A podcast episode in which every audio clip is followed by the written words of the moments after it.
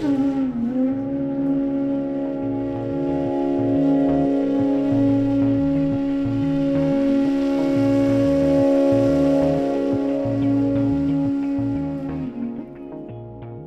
niyə həmişə narahatdır? Özü yaradır bu narahatçılığı yoxsa özü yaradır bu narahatçılığı, sonra da narahat olur. Ümumiyyətlə insanlar narahat olmaq istəyirlərmi? Bəlkə məndə elə, mənə elə gəlir narahatdır, yoxsa mənim şəxsi narahatlığımdır bu? Niyə insanlar narahatdır?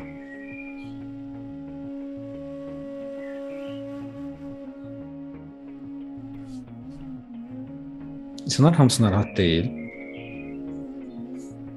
Narahat olanlar var. Hər kəs narahat deyil amma. Mən biraz vaxtımı aldı ki, öyrənim ki, mənim təcrübəm hamının təcrübəsi deyil. Mənim hissiyatım hamının hissiyatı deyil. Mən necə hiss edirəm özümü, bu demək deyil ki, hamı özünü belə hiss eləyir.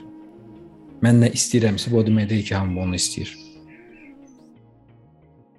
Sən deyə bilərsən ki, mən narahatam. Özümü narahat hiss edirəm. Bu daha həqiqətə uyğundur. Nə deyil? Başqaları necə hiss edir, bunu biz bilmirik.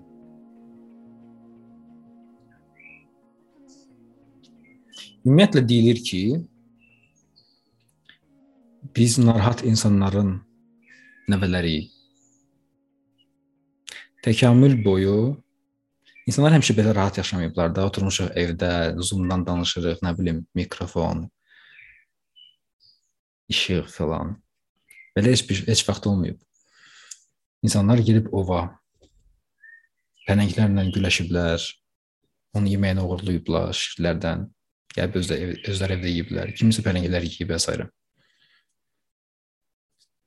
Və o vəziyyətdə biz həmişə belə diqqətli olmalı, olmalı olmuşuq diqqətli, hər an təhlükə gözləyən.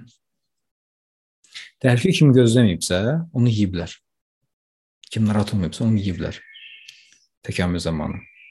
Yerdə qalan narahatlar olub, yəni narahat insanlar olub. Sağ qalanlar. Biz o narahat insanlardan türənmiş insanlarıq.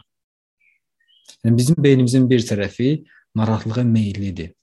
Sən onu öz özünə buraxsan, həmişə narahat olacaq. Öz sağ qalması üçün öz survival üçün. Bu, bu boşuna deyil narahatlıq.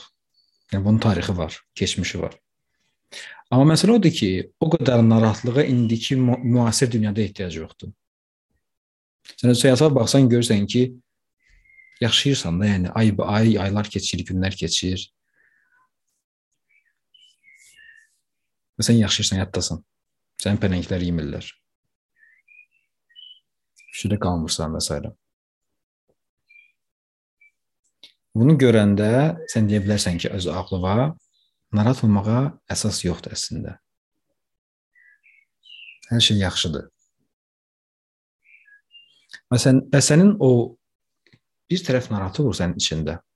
Narahat olan tərəf var, sənin ağlındır. Digər bir tərəfdə ona qulaq asan tərəf var, sənsən hansı ki. Elə deyil. Və o qulaq asan tərəf daha güclüdür. O daha anlayışlıdır, daha müdrikdir. O baxır o narahat olan tərəfi görür və deyir ki, hər şey yaxşıdır. Və onun o əminliyində, onun o gücündə bu narahatlıq yavaş-yavaş əriməyə başlayır. Kimdə ki o tərəf güclü deyil, öz tərəfi, həqiqi özü. Daha çox ağla həmişə söykənib və fikirlərə söykənib. O zaman ağıl narahat olanda onun dünyası yıxılır, dünyası parçalanır və elə bir ki, həqiqətən təhlükə var. Müəyyən vaxtdan sonra bu anxiety, anxiety yaradır adamda, panik ataka çevrilir. Panik atak odur ki, sən bir şeyi analiz eləməmiş, narahatlıq yaranan kimi bir problem yaranır Və sən bir şey analiz eləməmiş o birbaşa həyəcan siqnalı çalmağa başlayır sənin beynində. Və deyir ki, təhlükə var, aman mən öləcəm. Panik atak budur. Hər bir şeydən sən ölüm təhlükəsi gözləyirsən. Hər bir şey səni özündən çıxardır, qorxu yaradır. Bu demək ki, sənin ağlında bir siqnal o birinə birbaşa ötürülür. Yəni birbaşa dolayısı yolla ötürülən var, hansı ki məntiqdən keçir və məntiq deyir ki, yox, bu təhlükə deyil. Ona görə həyəcan siqnalı çalınmır. Bir də var birbaşa ötürülür siqnal və beyin deyir ki, bir hissəsi o birisinə biz indi ə, fələnglər gəlirlər arxamızca, qaçın. və bunu bu uzatmağın yolu meditasiyadır məsələn. Bu elmi olaraq sübut olunub artıq testlərin nəticəsində ki, sən meditasiya edən insanın həmin o bir siqnalın digərinə ötürməsi birbaşa baş vermir. O bir dayanır, o baxır ki, bir dəqiqə bu narahatlıq həqiqidirmi, lazımdırmı, ehtiyac varmı?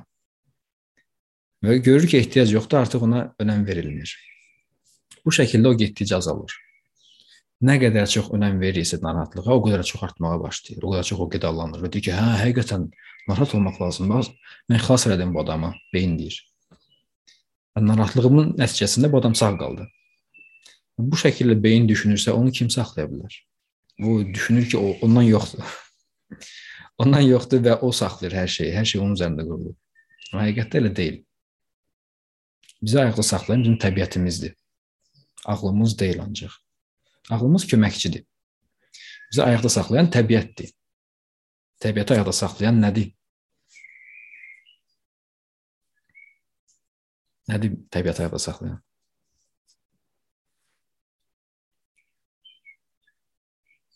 Təbiəti yaradan nədirsə, təbiətin o ilkin impulsu nədirsə, təbiətin arxasında gizlənən, formaların arxasında gizlənən nədirsə, burada da bizdə də formanın arxasında gizlənən odur. Ayaqda saxlayan bizə odur əslində, həyata saxlayan. O gedəndə, o bədəni tərk eləyəndə həyat bitirdiysən ki, bu adam öldü. Geriyə ancaq qabığı qalır, paltarı.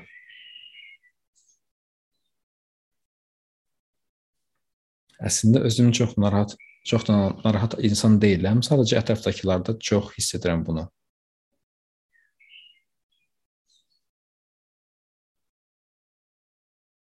Bu ə,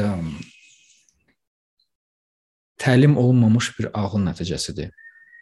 Təlim olunmamış ağıl, təlimdən keçməmiş, nəzarət olunmamış, onunla işləndirilməmiş, yontulmamış bir ağıl narahatlığa meylli olur, qorxuya meylli olur, egoist olur, ancaq özünü düşünür.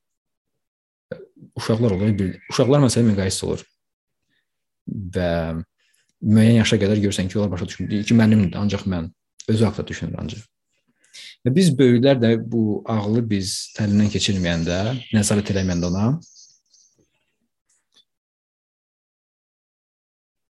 bu ə,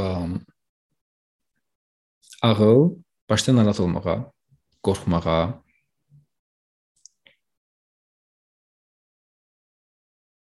gözün nəsə görünməyə, özünü nəsə zənn eləməyə, kimsə zənn eləməyə, başqa bir insan zənn eləməyə. O deməkdir ki, o insan öz ağlının fərqində deyil. Ağlı istədiyi illüziyanı yarada bilir. Və ətrafda da nə qədər adamsan, nə qədər adamsan görmüsən ki, otursun, bu haqqda bir kitab oxusun, özünlə məşğul olsun bu barədə, nə meditasiya eləsin. Nə qədər adam tanıyırsan ətrafında?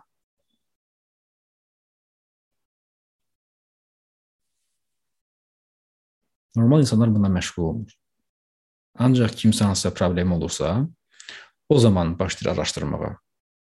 O zaman gəlirsən həkimə, deyirsən ki, həkim, nəyi səhv eləmişəm? Nəyi səhv eləyirəm? Bu şəkildə insan öyrənməyə başlayır. Bizim elədiyimiz, ə, eləməli olduğumuz şey ancaq ağlın fərqində olmaqdır. O deməkdir ki, mənim fikirlərim nə haqqdadır? Nələr düşünürlər? Mən deyir, mənlə əlaqəli hekayə danışır ağlım. Bu əslində kimdir bu mən? Ona bir baxmaq ki, bu mən necə bir həyat yaşayır? Nə fikirləşir, nə istəyir, məqsəd nədir? Başqaları da nə düşünür? Bu şəkildə sən izlədikcə sən o ağlı tutursan belə ki, a, sən beləsən deməli. Bu cür düşünürsən, bu cür özünə haqq qazandırırsan, bu cür hissələrin var. Yəni bu şəkildə sən artıq o ağıldan qopursan. Görsən ki, sən o ağıl deyilsən, o balaca ağlın bir həyatını izləyirsən öz beyninin içində. Bu biraz qorxulu səslənir. Ya mən dəli oluram deyəsən. Amma ki dəli olmursan, azad olursan.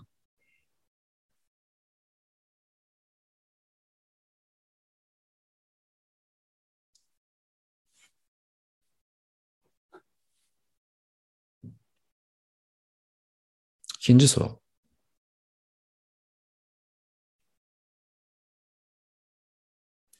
Tələsmək, səbirsiz olmaqla bağlı danışaq. Məsələn, qarşıma bir maneə çıxanda tələsirəm, tez olsun, bitsin, nəticəsini bilim, istəyirəm. Yaxşı bir şeydə belə tələskənlik var.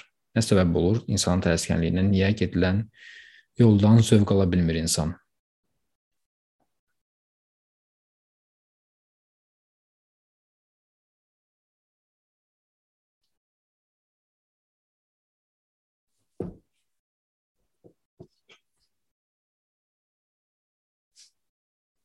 Niyə tələsirəm? Niyə getdiyim yoldan zövq almıram? Hər şey tez olsun, bitsin.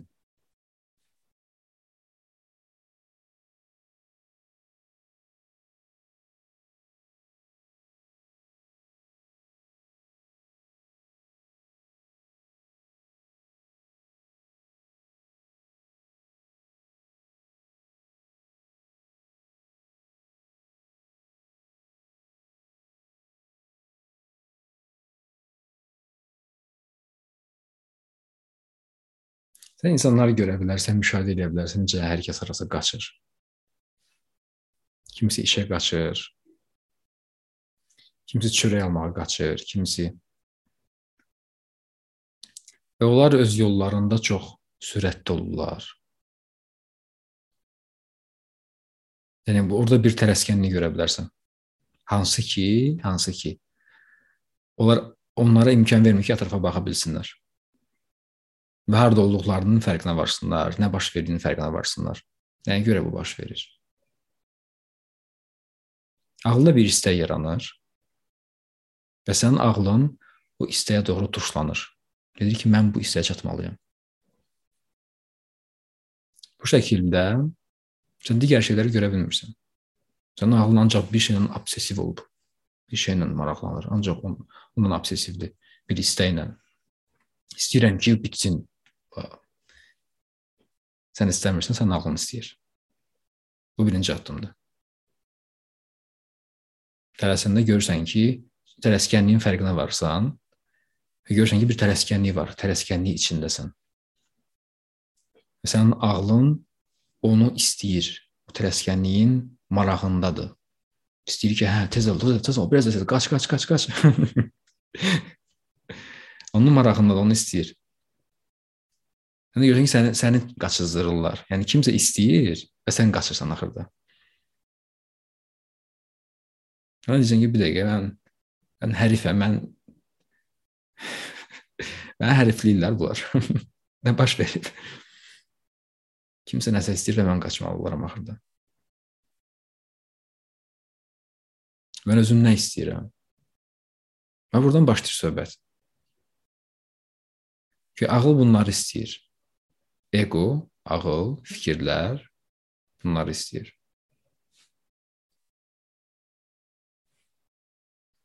Ego deyirəm, Google çıxır telefonda. Və onlar səni tələskən, tələsməyə sövq edir. Fikirlər, ağıllar, istəklər. Onlar adamı qırsaqqız kimi yapışıb. Sən bilirsən ki, o sənin istəklərindir. Ancaq onlara soruqlayana qədər, dayanana qədər, baxana qədər sən onlardan ayrıla bilmirsən.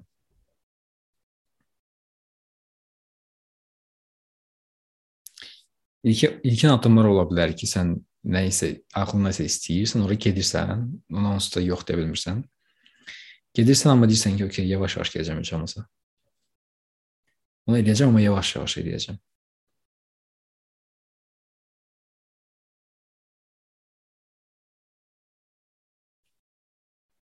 Ağıl qarışanda biz qaçırıq. Ağlımız qarışıq olanda biz qaçırıq.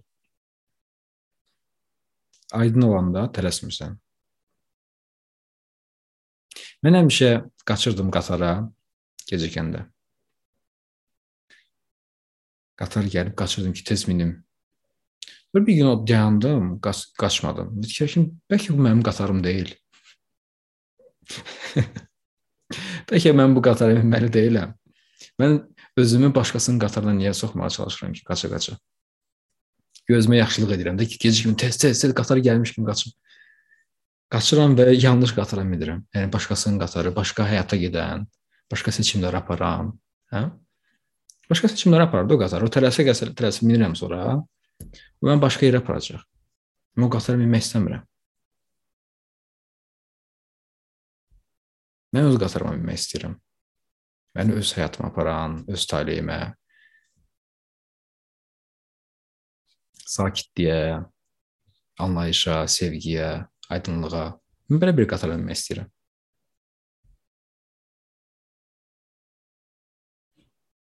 Özünə sual, sual ver. Hansı qatara minmək istəyirəm? Sənin seçimindir, sənin həyatındır. Sənsən o həyat. Başqa heç kimdən heç nə məcbur etməz. Bunu anlayanda adam başa düşməyə başlayır, artına baş verir. Sənsən, yəni başqa heç nə yoxdur. Sənsən.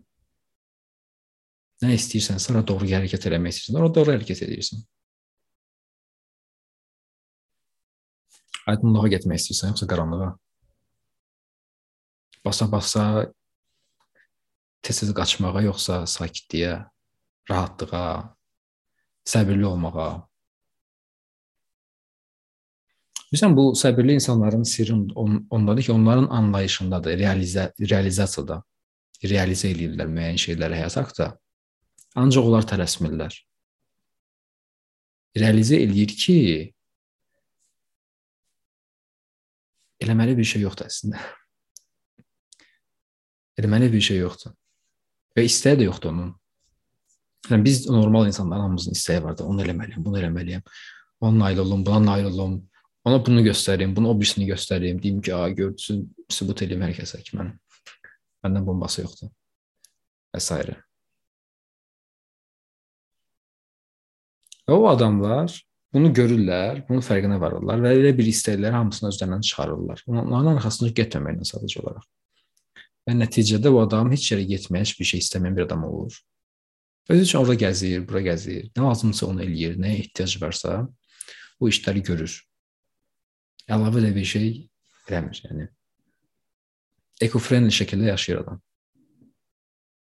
Amma biz eco-friendly deyilik. Bizim ambisiyalarımız var. Ambisiyalar insan həmişə tələsəcək də. Həmişə kimsə dirsəkləyəcək belə. Kim mən keçim ola Mən birinci. Çünki onun istəyi çox önəmlidir.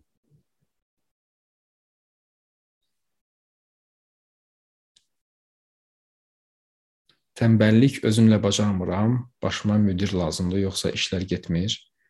Özüm özümə necə necə boss olum hocam?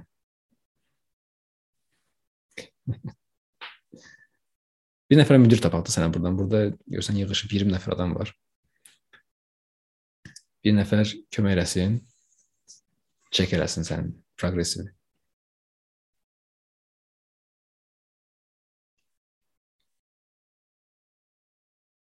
Başa düşürəm, çətindir. Tək bacarmaq, tək başlamaq, tək aparmaq çətin olur. Ona görə insanlar məsələn nəsə biznes quranda, startap başlayanda həmişə kimdənsə bir yerdə bunu edirlər. Tək eləmirlər. Yəni özün kimi bir iki nəfər tapırsan, bir komanda olursunuz. 3 nəfər aparırsınız bu işi. Tək edə bilmirsən, idman eləyə bilmirsən, bir nəfərlə danışsan, dostundan bir yerdə eləyirsiniz. Danışırsınız, bir yerdə eləyirsiniz. O dostun ki, yatıb qalmışam, gələn dəfə eləyərik falan, sən də yatıb qalırsan. Elə də olur.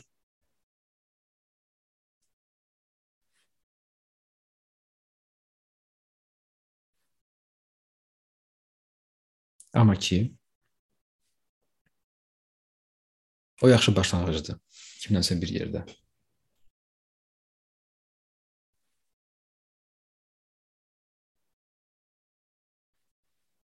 Steve Jobs deyir ki, sürətli qaçmaq istəyirsənsə tək qaç. uzağa getmək istəyirsənsə, komandan olsun.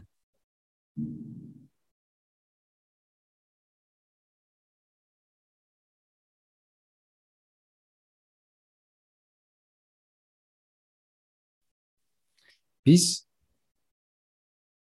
kollektiv varlıqlarıq. İnsanlar kollektiv varlıqlardır. Biz primatlardan əmələ gəlmişik. İnsan bədəni primatlardan əmələ gəlib və bu primatlar həmişə bir yerdə yaşayıblar. Şimpanze tək fırlanmır. Qorilla tək fırlanmır, bir yerdə. Qohum əqraba, dost tanış, qonşular bir yerdə fırlanırlar. Bir yerdə balaca cəmiyyətlər olur. Və bu insan, bu məməlilər tayfası primatlar və insanların. Onlar mənim üçün onların onlar haqqında düşünəndə ağlıma şəkil gəlir ki, necə iki dənə primat və yaxud meymun deyə bilərsən, bir-birinə sığınıblar, bir-birinə qucaqlayıb oturublar elə. Ya bu insanı izah edən budur əslində. İnsanın buna ehtiyacı var. O qucaqlaşmaq, o təmas, toxunmaq, bir yerdə olmaq, dəstək və s. Və biz onun hesabına inkişaf edə bilmişik dünyada. Onun hesabına digər canlıları məhv edirik. Hakimiyyət hamısı bizim əlimizdədir. Çünki daha çox e, bir-birimizdən əlaqə qura bilirik, daha çox insanı idarə edə bilirik və s.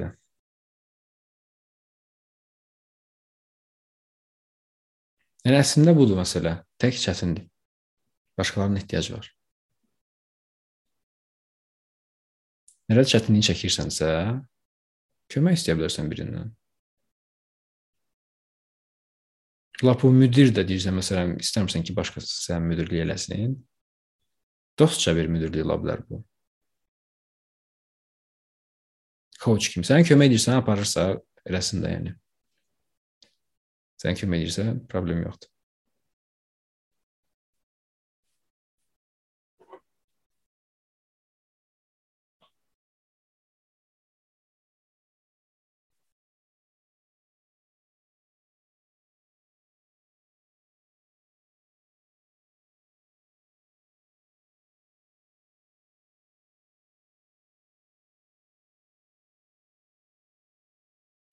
Rahat həyata inanaraq yaşayıram. Amma bu rahatlıq qısa zamanda pozula bilər. Hər hansı xatirə ya da düşün hər hansı xatirə ya da düşə bilər. Həyata keçməyən istəklər qara bulud kimi rahatlığı, sakitliyi pozur. Həmin anlarda necə davranaq? O anda sənin seçimin var bu anda sənin seçimin var ki, mən izin verirəm ki, bu xatirə mənim həyatımı bərbad eləsin. Mən izin verirəm ki, bu xatirə indi mənim bütün əhvalımı pozsun. Və yaxud deyirsən ki, mən pis əhval istəmirəm. Mənim seçimimdir. Elə deyil. Mən bu xatirəyə izin vermirəm ki, mənim indiki əhvalımı korlasın. Bu sırf xatirənlə, nə bilim, travmatik bir hadisə ilə əlaqəli bir şeydir. Xatirə yaranır, o bir siqnaldır. Tık, bir mesaj gəldi, sən baxdın, ki, çox sağ ol. Getdi. Bu qədərdir əslində. Biz nə edirik? O gəlir, deyir ki, "A, sən gəldin. Nə qədər pisdir vəziyyət. Axı niyə bu oldu?" Başlayırıq bundan ağlaşma qurmağa özümüzdə. Drama yaratmağa, onu şişirtməyə, onu oynamağa, ondan sonra başqasına yatı ki, başqa fikirlər də gəlsin. Onlara da baxım. Davamlı fikirlərə baxsın o haqqda. Çünki o dramada maraqlısan. Hətta adam desə ki, belə yox, mən maraqlı deyiləm, istəmirəm bunları fikirləşim, amma maraqlıdır əslində. O istəməmək də maraqdır. İstəməmək də maraqdır. Sən görə bilərsən ki, bir hadisə baş verib, sənə əzab verən bir hadisə, neqativ bir hadisə, o ağlına gəlir, sən istəmirsən onu, amma niyəsə düşünməyə davam edirsən o haqqda. İstəmirsən o haqqda düşünməyə, amma düşünməyə davam edirsən yenə də. Yəni bir tərəf istəyir onu düşünməyi, bir tərəf onun o neqativlikdə maraqlıdır, əzab çəkməkdə maraqlıdır. Elə deyil? Yəni orada bir maraq var. O maraqsız insan odur ki, çıxır, ki, mən maraqlı deyiləm. Bankdan falan gələn mesajlar olur, bankdan və yaxud hansısa şirkətdən mesaj gəlir sənə. Oturub o saatlarla məşğul olursan o mesajdan sən. Oxuyursan ki, ya bir, bir də gəlsin gözləyirəm. Nə yazıb görəsən burada? Baxmırsan o mesaja heç. Hop, swipe elədin, getdi. Fikirlər də eyni şeydir, mesajlar çıxır. Eyni şeydir. Maraqlısan, açıb oxuyursan. Deyilsən, swipe edirsən, getdi notification. O ki qaldı istəklərə, hansı ki sən rahatlığı pozur.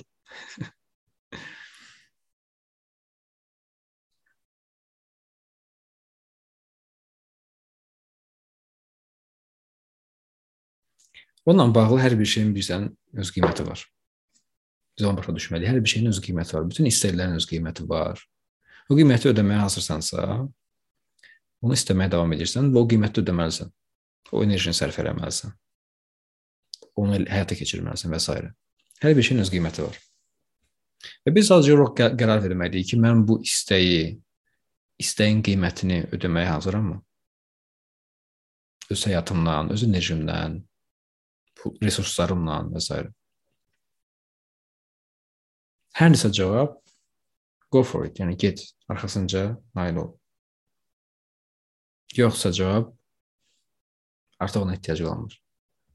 Amma həm qiyməti ödəmək istəmirsən, həm də istəyirsən, artıq ciddi söhbət deyil də. Sadəcə bir xəyaldır.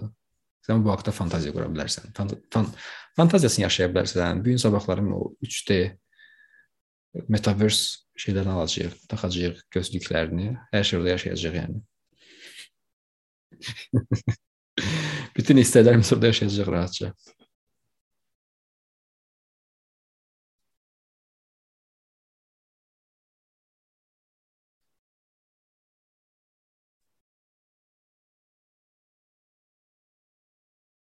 Salam Fərzcan, fikriniz mənə maraqlıdır. Yazma taktikası və ya yazma terapisi hər nədirsə, belə bir spiritual mövzu var. Bunun alın yazısı və ya Allah nə yazdısa o bu cümlələrlə əlaqəsi var sizcə?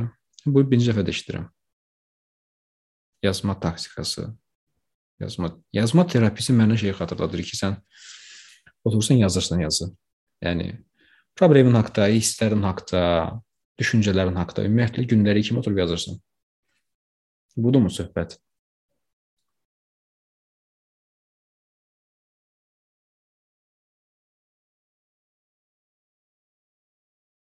Budurmu söhbət? Bilmirəm budurmu. Odursa Allah nə yazsa odur, alın yazısı falan. Tam başqa şeydir. Tam başqa söhbətdir əslində.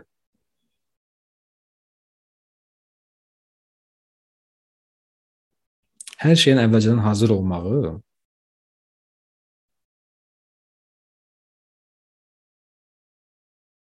yəqin ki, xəyallarına vərəqə tam detallı yazıb gerçəkləşməsindən gedir.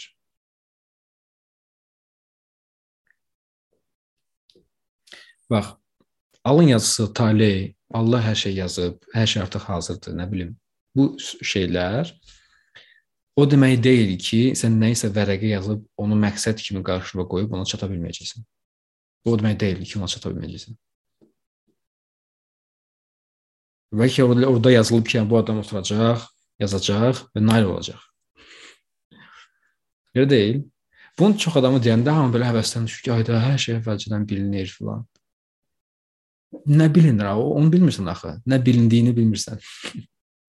Orada yazmayıblar axı sən həmişə pis olacaqsan və yaxud heç bir şey dəyişməyəcəksən həyatında. O yazmayıb axı. Yəni. Orada yazılıb ki, bu adam superstar olacaq, yəni popstar olacaq, partladacaq dünyanı. Michael Jackson olacaq, hə? Bəlkə elə bir şey yazılıb burada. Niyə həvəsən düşürsən? Nə əlaqəsi var yəni? Hər şey artıq hazırdır. Onun üçün yaxşıdır ki, o idea ki, sən rahat olasan ki, çox stres keçirməsən. Alınacaq, alınmayacaq. Rahat ol. Nə varsa olacaq yəni.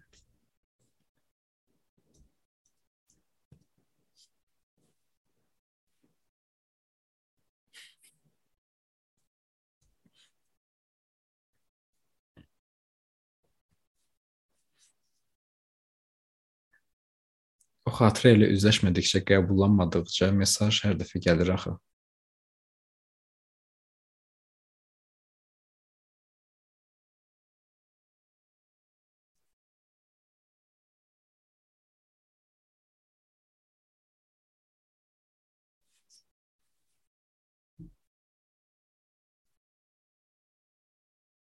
Bilirsən, bizim həyatımızda şirin şeylər də baş verir, acı şeylər də baş verir. Şirin şeylər baş verəndə bundan kim şikayət eləmir. O şirinliyi hamı yaxşı doya-doya yaşayır, oturur, onunla qucaqlayır, yaşayır da o şirinliyi, bölüşür ətrafdakı hər kəslə. Acısını, acı bir şey baş verir, amma acı, acı acısını yaşamaq istəmirik biz. O onu yaşamaq istəmə istəməyəndə sən onu ağlında itələyirsən bir güncə. Ki, yox, bu olmayıb, baş verməyib. İstəmirəm, hiss eləmək istəmirəm, baxmaq istəmirəm və s. Burada artıq bizim eqoizmimiz üzə çıxır da. Ki, nə qədər biz həmən şirin istəyirəm, acını istəmirəm, yox, olmasın. Amma olsun da sən eləmsən də, yəni sənin əməllərimin nəticəsidir acıdır. Göydən düşməyib ki, yəni hər kəs haqq eləyir də, acını da, şirini də hər kəs haqq eləyir öz həyatı ilə, əməlləri ilə. Sir ordadır ki, acı şirin gəlir, şirin bir şey baş verib, şirini zövq alırsan ondan. Ye kef elə. Nə ki, həyat nə gözəldir. Acı bir şey baş verir, nə ki, hə, bax, bu səhv idi. Və indi onun acısını bir neçə gün çəkəcəm. Və o acını çəkirsən, sonra keçib gedir də o. Ondan sonra sən ona bir biganə ola bilirsən o mesaja. Gəlirsən artıq biganəsən. Yəni ki, acısını da yaşamışam, bu artıq heç bir məna kəsb eləmir. Amma sən acısını yaşamaq istəmirsənsə, əlbəttə ki, sən də orada ilişirsən. Çünki onu süpürmüsən xalçanın altına. Bu, bu yox, olmasın belə bir şey. Yoxdur, olmayıb. Mən deyil. Başqası yaşayıb bunu. mən yaşamamışam, mən deyiləm bu.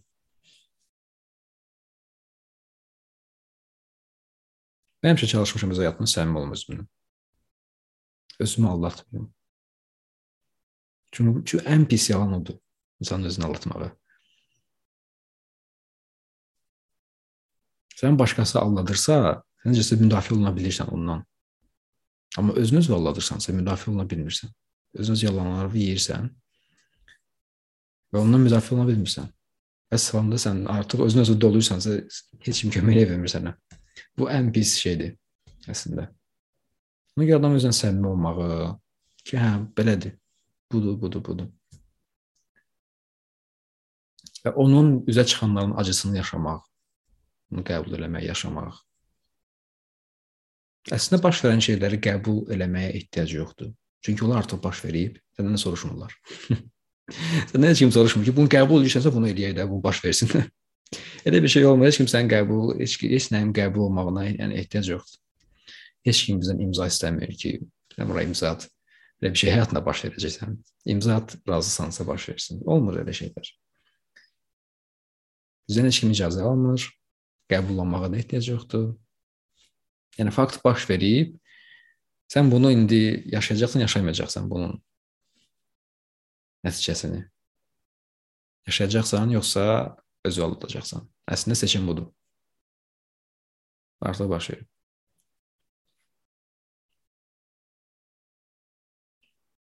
Ona görə bu bir sənin insanı biraz təvazökar eləyir. Bu bizi təvazökar eləyir. Gələn hər şeyi yaşaya bilmək. Acında yaşamaq, şirində yaşamaq, Hər şey yaxşı olanda sən bəlkə çox göynən uçursan. Sən ki, məndən yoxdur, hər şey bundadır. Amma acı olanda biraz düşürsən aşağı, biraz yığılırsan, sakitləşirsən, küncə çəkilirsən biraz. Bu əslində yaxşıdır.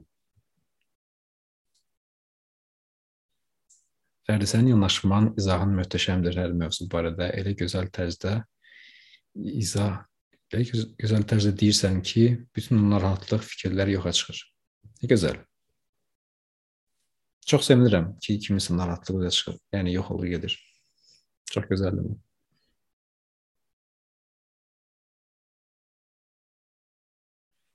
Bəzi insanları görürəm və onlar necə əziyyət çəkirlər, onu dərindən hiss edirəm. Özümü elə bil ki, onların yerində hiss edirəm və necə hiss etdiklərini anlayıram.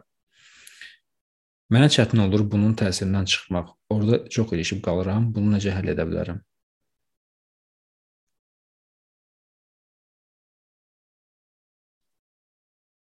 Yogananda var idi. Eşitmisiniz Yogananda. Yogananda. Yogananda bir yogi idi. Yoginin avtobiyografiyası adında bir kitab var. O çox məşhurdur. Və onun hekayəsidir. Necə o müəllimlərlə öyrənir və s. öz hekayəsini danışır. Um, orada bilmirəm o kitabda, o kitabda deyəsən. Onun bir neçə kitab, yəni kitabları çoxdur. Amma e, səhv eləmirəmsə o kitabda idi və orada bir səhnə var, harda ki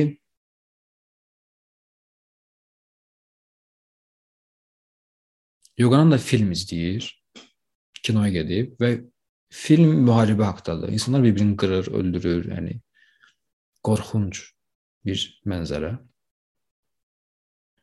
Və orada baxır o bu yoqanın da pis olur. Pis olur, özünü pis eləyir və çıxır oradan o fikirlərə, yəni çox pis edir ki, bu nədir? İnsanlıq niyə bunu eləyir? Bu nə əzablı bir-birimizə veririk? Bu nədir də, yəni niyə öldürür bir-birimizi? Niyə müharibə edir və s. Və orada o özün səsi əmələ gəlir orada və ona deyir ki, bu sadəcə hamısı şəkillərdir.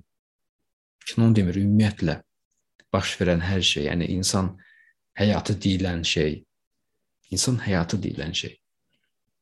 Dünya, kainat, baş verən hadisələr, gündəlik sənin reallıq adlandırdığın həyatın.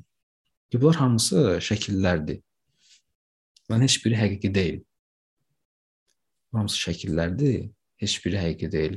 Bu şəkilləri sən görürsən və sənin həyatın, həyatın dediyin şey o şəkillərdən ibarətdir. Və bunları görsən, onların heç biri həqiqi deyil, həqiqətdə onların heç biri baş vermir. Ona görə deyir ki, çox hissiyatlı olma o şəkillərə görə. O qədər o hissiyat o, o şəkillərdə özünü itirmə ki, özünü itirəsən tamamilə. Ona görə məsələn bu fəlsəfədə həmişə müəyyən bir məsafə qoyulur. Baş verənlərlə sənin arasında. Nə qədər pis bir şey baş versə belə, Sanki o səndən baş vermiş kimi. Müəyyən bir məsafə olur. Bunu deyirəm, bunu bəlkə demək biraz nə bilim, bəzi insanlar üçün təhlükəlidir. Real, yəni baş verənlərdən qaçış üçün istifadə edə bilərlər və s. Bunu sadəcə o adam üçün mən deyirəm ki, hansı ki həddindən artıq çox hissiyatlıdır baş verənlərlə və özünü orada itirir. Özünü orada itirir və bilmir nə etsin. Çox emosional davranır onu azaltmaq üçün, o emosiyaların xodunu azaltmaq üçün biraz o baş verənin reallığını sorğulamaq. Baş verir, hə, harda baş verir bunlar amma? Çünki həyatımız dediyimiz şey, yəni bu elm tərəfindən sübut olunmuş bir şeydir. Bizim başımızda yığılan bir şeydir, bir maketdir. Çöldə gördüyün dünya əslində sənin beyninin içərisindədir. Sən elə bilirsən ki, sən dünyanın içindəsən, amma əslində dünya sənin bədəninin içindədir. Çöldə nə var bilmirik. Amma bu şəkildə bir illüziya yaranıb. Və biz o illüziyanı təcrübə edirik. Ona görə nə qədər məsələn mən onu alınmağa başlayanda mənim əzaba qarşı və əzab çəkən insanlara qarşı münasibətim də dəyişdi. Mənim artıq ondan sonra heç kimə yazığım gəlməməyə başladı. Mən onların ağrısını duyuram, hiss edirəm, əlimdən gələn yardım edirəm. Amma pis olmuram. Amma pis olmuram. Ağrısını duyuram, ağrısını hiss edirəm. Yardım yardım da edirəm bacardığım qədər. Amma pis olmuram. Onlara yazdığım gəlmir. Yazdığı kəlmə tamam başqa bir şeydir.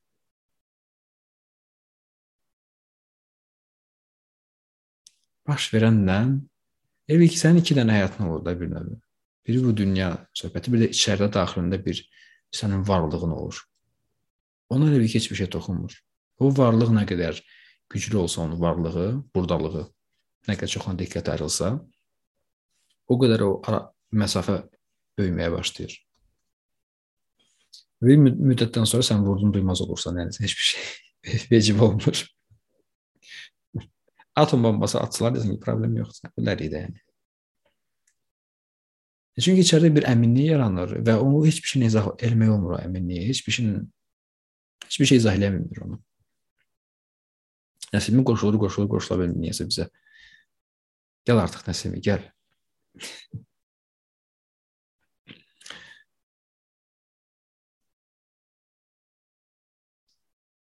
İzah olmaz bir əminlik olur səndə.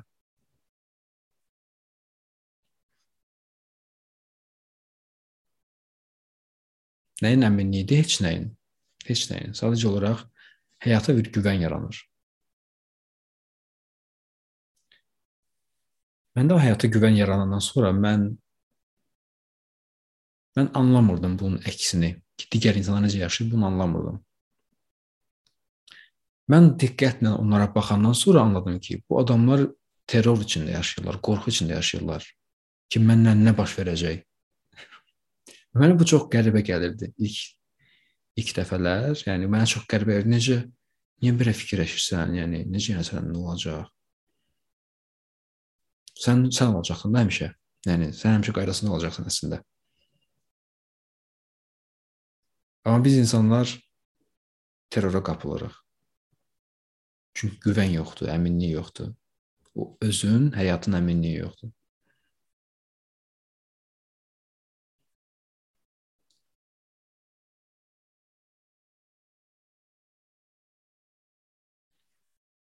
Amma bu təhlükəli deyilmi bu cür duyğusuz yaşamaq?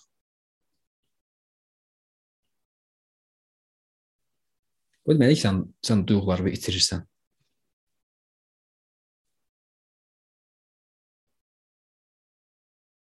Ümumiyyətlə bu bunu yaşayan insanda sevgi həmişə ordadır. Sevgi həmişə fışqırır. Fontandır. Bu şəkildə baxa bilən insanda. Sevgi, anlayış. Yəni bu next leveldır. Bu növbəti mərhələdir. Bu aşağı düşmürsən.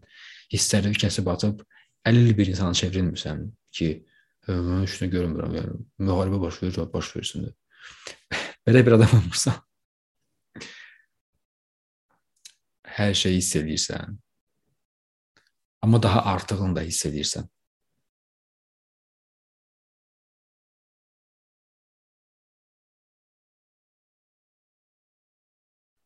Elə bil ki, sənin xoşbəxtlik və sevgi, aydınlığı belə xodun belə axıra kimi veriblər. bir flash gedir də orada bir günəş kimi bir şey gedir. Hə?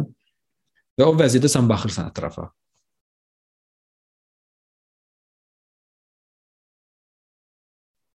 O vəziyyətdə baxırsan. Sevgi full, xoşbəxtlik full, aydınlıq full. Bu şəkildə sən kiminsə əzab çəkməyinə baxırsan. Necə baxırsan? Necə baxırsan? Əminliklə baxırsan. Sən deyim, əminliklə baxırsan. Əminliklə ki, hər şey yaxşıdır əslində. Hər şey yaxşıdır. Hə bu bu intellektual bir qərar deyil, bu gəldiyin bir nəticə deyil. Bunu kitabdan oxumursan. Bu sənin daxilində yaranan bir hissdir.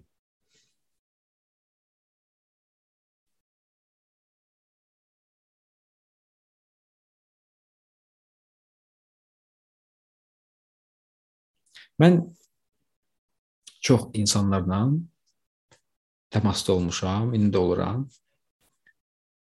və təkcə qrup şəklində yox, təkbətək danışırıq. Və əlbəttə ki, onlar hamısı kefdən mənə müraciət eləmirlər ki, "Hə, Fərdi, mən özümü çox əla hiss edirəm, istədim bunu bölüş." Daha çox problemi olan insanlar, daha çox əzab çəkən insanlar olur.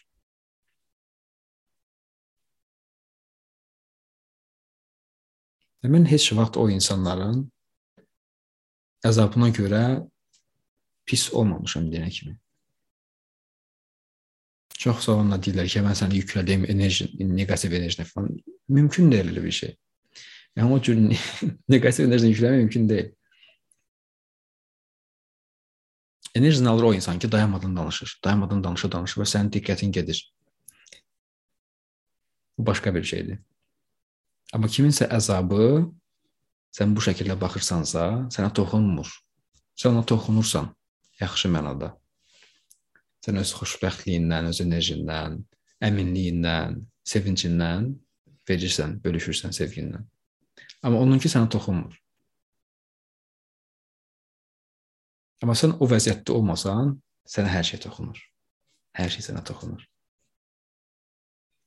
Məsələn, bir şey oldu, sən artıq onunla identifikasiya edirsən özünü, pis bir hisslə, neqativ bir hisslə və o neqativ hissi yaşayırsan. De ki, mən beləyəm. O şəkildə olursan.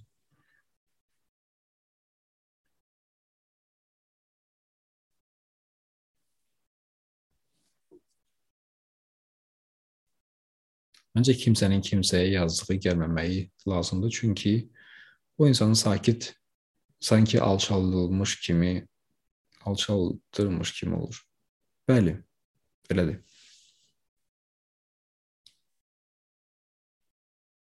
Mən dilənçilər məsələn özümdən aşağı bir şey kimi görmürəm. Mən də onun kimiyəm. Mən də onun kimiyəm.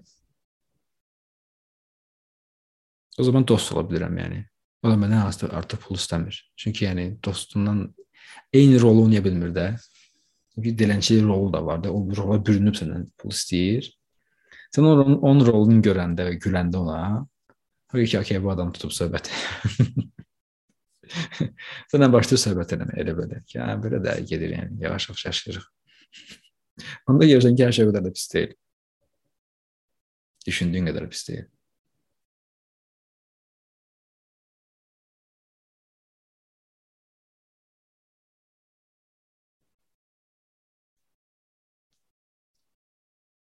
Fərdican səni çox sevirəm. Sayəndə çox şeyin öhdəsindən gəlməyə baş başlamışam nəhayət ki. Yəni axına qoşulmuşam sanki. Öz işimlə məşğulam, heç nəyə tələsdirmirəm, heç nəyə qovalamıram. Nə də heç nəyin arxasınca qaçmıram. Artıq həyata təslim olmuşam sanki. Məni hara aparırsa, ora gedirəm. Və aldığım hər nəfəsin bir hədiyyə olduğunun fərqindəyəm. Hələ hər sabah oyanıb özümün və sevdiklərimin sağlığının yerində olmasını gördüyüm hər səhər mənim üçün əsl bayramdır. Buradan da sevgilərimi göndərirəm əziz community üzvlərinə. Hər şeyin hər zaman könlünüzcə olması diləyi ilə. Çox gözəl. Çox sevindim.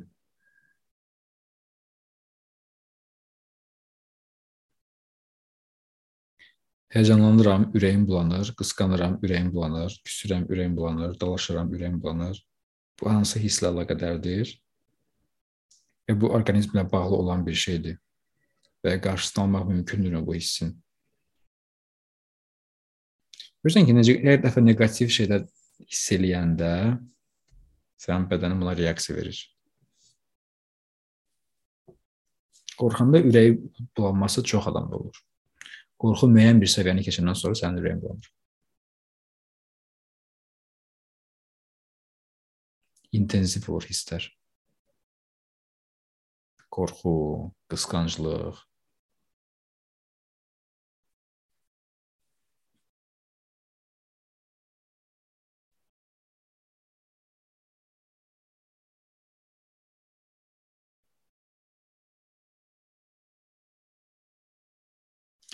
bəzi hisslər tamamilə kontroldan çıxıbsa, qorxu, qısqanclıq, aqressiya, hı? Və sən onu artıq heç heç bir şəkildə idarə edə bilmirsənsə, yaxşı olar ki, onları yaradan səbəblərdən uzaqlaşasan. Bir şey səndə qorxu yaradır, bir şey səndə narahatlıq yaradır. Yəni bunu idarə edə bilmirsən artıq. Artıq bu keçib. Çox böyük narahatlıqdır. Yaxşı var ki, ondan uzaqlaşasan, ondan nə yaradırsa, ondan fiziki şəkildə uzaqlaşasan. Ya ki, bəs mənim işim, gücüm, həyatım necə uzaqlaşım? Hə, amma sağlamlığın da var da. Sağlamlığını itirsən, onda nə edəcəksən, yəni? Necə olacaq bunun axırı? Hansı daha məntiqlidir? Biraz ara vermək, məsafə yaratmaq, özünə gəlmək, hissləri bir idarə eləmək, öyrənmək, onlarla onları öyrənmək necə işləyir, mən nəyə qısqanıram, nəyə əsəbləşirəm, nə, nədən qorxuram. Terapiyaya getmək, psixoloqun yanına getmək, Bunu yavaş-yavaş çözmək, öyrənmək. O vaxta qədər də ara vermək biraz. Onu yaradan səbəblərdən. Ki, biraz sakitləşəsən. Çünki bəllidir ki, orqanizm çox böyük reaksiya verir. Nə, nə baş verirsə. Və onun o qədər şeyə ehtiyac yoxdur.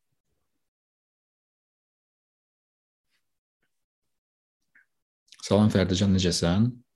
Bugünkü imtahan atmosferindən sonra Tanrının ən dəyərli hədiyyəsi kimidir bu söhbətdə iştirak etmək imkanı. Bölüşdüklərin üçün çox sağ ol. Sən də sağ ol. Gültac, çox xoşdur. Ümid edirəm imtahanın yaxşı keçib.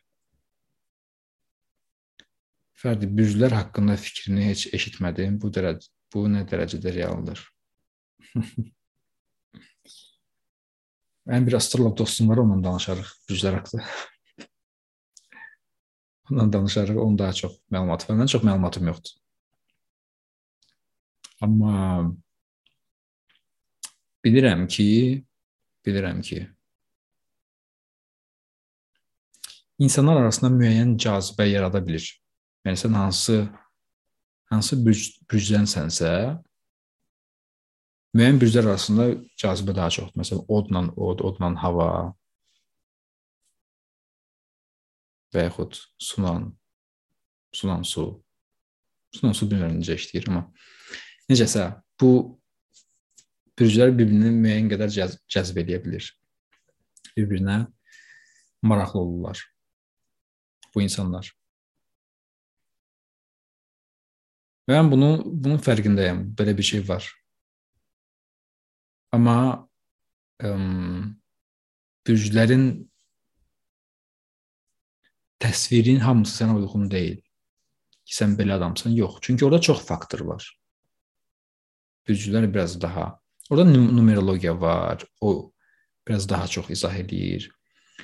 Yəni, yəni qazdıqca başqa sistemlər var, hansılar ki, o personanı, sənin ağlığı izah. Yəni bu izahlar hamısı sənin bədənə və ağla aiddir. Heç bir sənin ruhuna, şüuruna aid deyil. Sənin şüurun təsəvvür elə ki, kosmik bir şeydir. Heç biri bu dünyaya məxsus deyil, planetə məxsus deyil. O sistemlər hamısı izah olunan sistemlər hamısı sənin bədənin haqqdadır və ağlın haqqdadır. Temperamentin, xəssiyyətin, bədənin, bədənində hansı başqa bədənlər uyğundur. Bürclər budur, yəni. Mənim bədənimə hansı uyğundur? Yəni şir bürcüyə mənim bədənimə məsələn uyğundur. Həmin filan bürc, başqası bürc, başqa başqa bir bürc. Ağlıma uyğun da olar. O bürclər uyğun deyil, məsələn. Ona görə sən o saat bürcləri soruşursan ki, sənin bürcün nədir? Mənim bürcüm nədir? Aa, bilirdim falan bir şey sən. Ha, bilirdim. Maraqlı amma.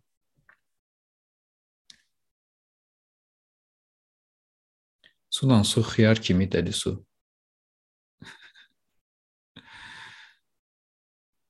Nə deməkdir bu? Başa düşmədim. Sudan su xiyar olur. Siz hansı bürcsüz? Mən şir bürcüyəm. Məncə sualları bitirdik. Və şir həmişə şirdir. 100%.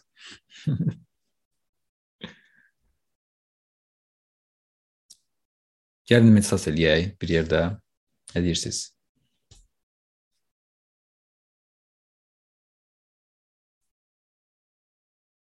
Kimsə qaçdı artıq meditasiyadan. Yəni. Rahat otur, belin düz qalsın mümkün qədər.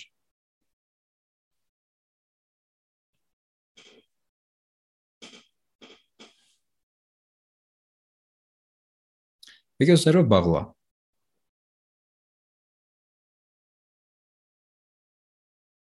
Tamamilə rahatsan və sanki bir istirahət yerindəsən. Gözləri bağlamısan. İstədiyin bir yerdəsən. Çox istədiyin, sənə xoş olan bir yerdəsən. Bu çimərlik ola bilər. Dağın başında ola bilər, meşə ola bilər. İstədiyin yerdəsən. Gözlərin bağlı və ətrafdan gələn o təbiətin, istədiyin yerin səslərini eşidirsən.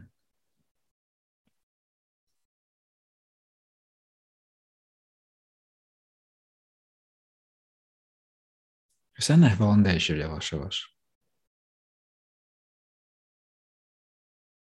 Bu istədiyin yer səndə xoşluq yaradır. Xoş hisslər yaranır. Sən getdikcə bu xoşluqda, bu xoşbəxtlikdə məskunlaşırsan. Daha çox onu hiss etməyə başlayırsan.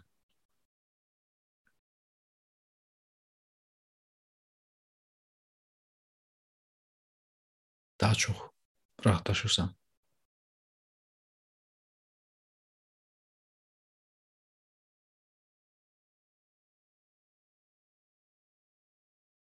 Sanki içində bir şeylər yavaş-yavaş açılmağa başlayır.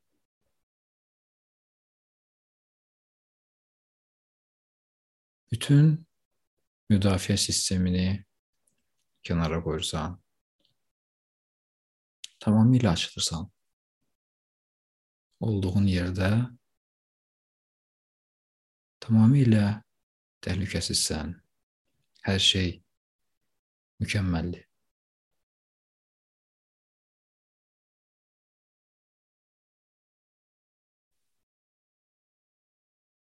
İstədiyin yerdəsən.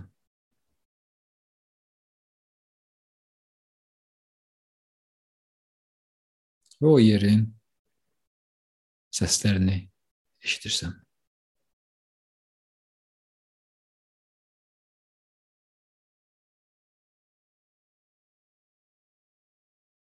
Hər şey mükəmməldir.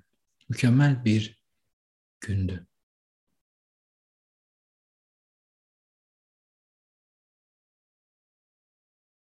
Bu vaxt sadəcə Sənin üçün hər şey bitib. Etməli heç bir şey yoxdur. Hər şey artıq olunub.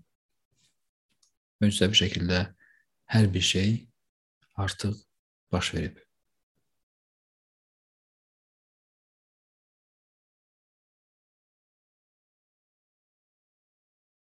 Və sən tətildəsən.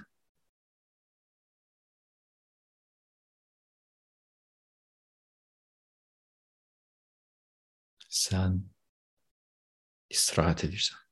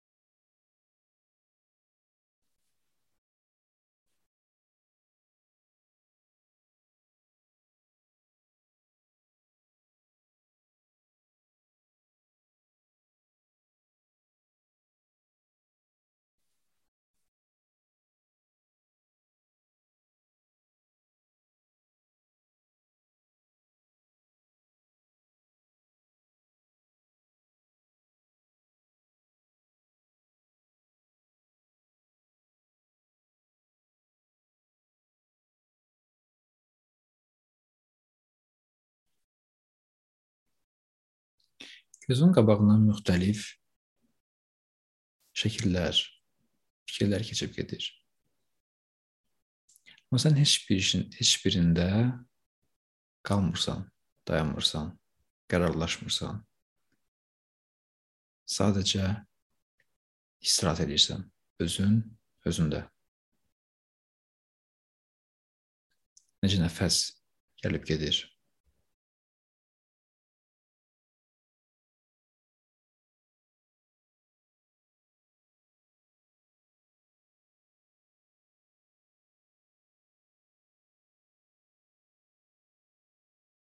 Necə bədən genişlənir və yığılır.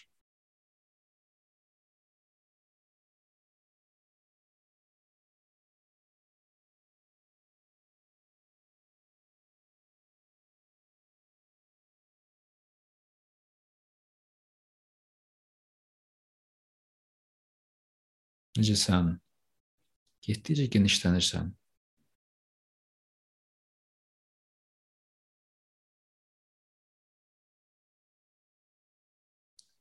yayılırsan her tarafa.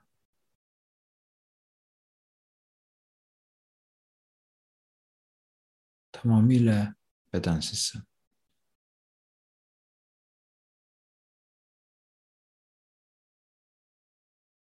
Tüm denizler sensin. Akyan sensin.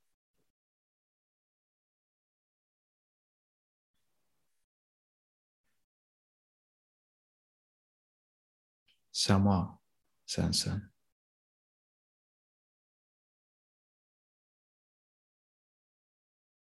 Okean sənsən. Səma sənsən. Fəza sənsən.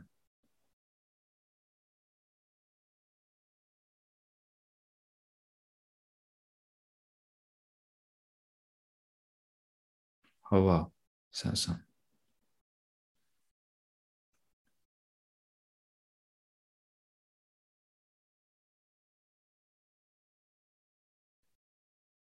Məkansız, bədənsiz, hər yerdə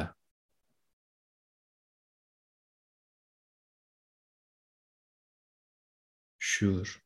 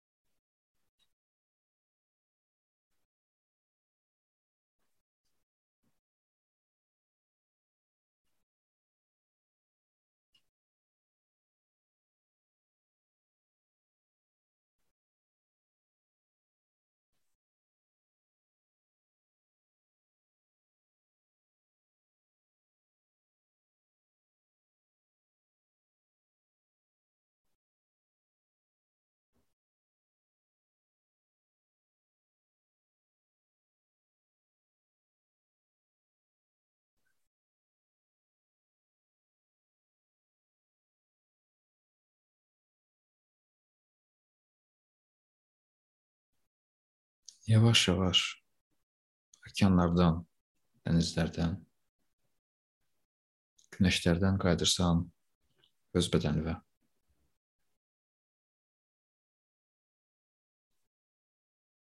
Öz bədəninin içində var olan həyat.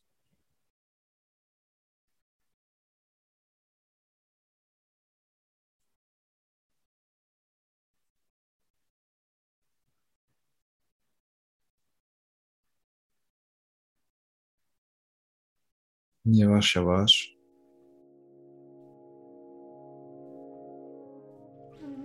Yavaş yavaş gözlerini açabilirsin.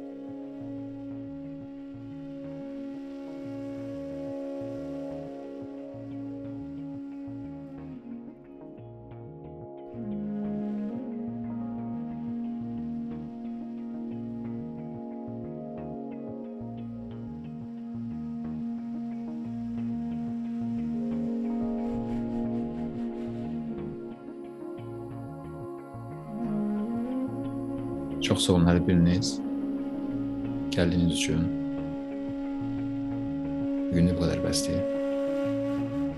Gələn görüşlərə dək.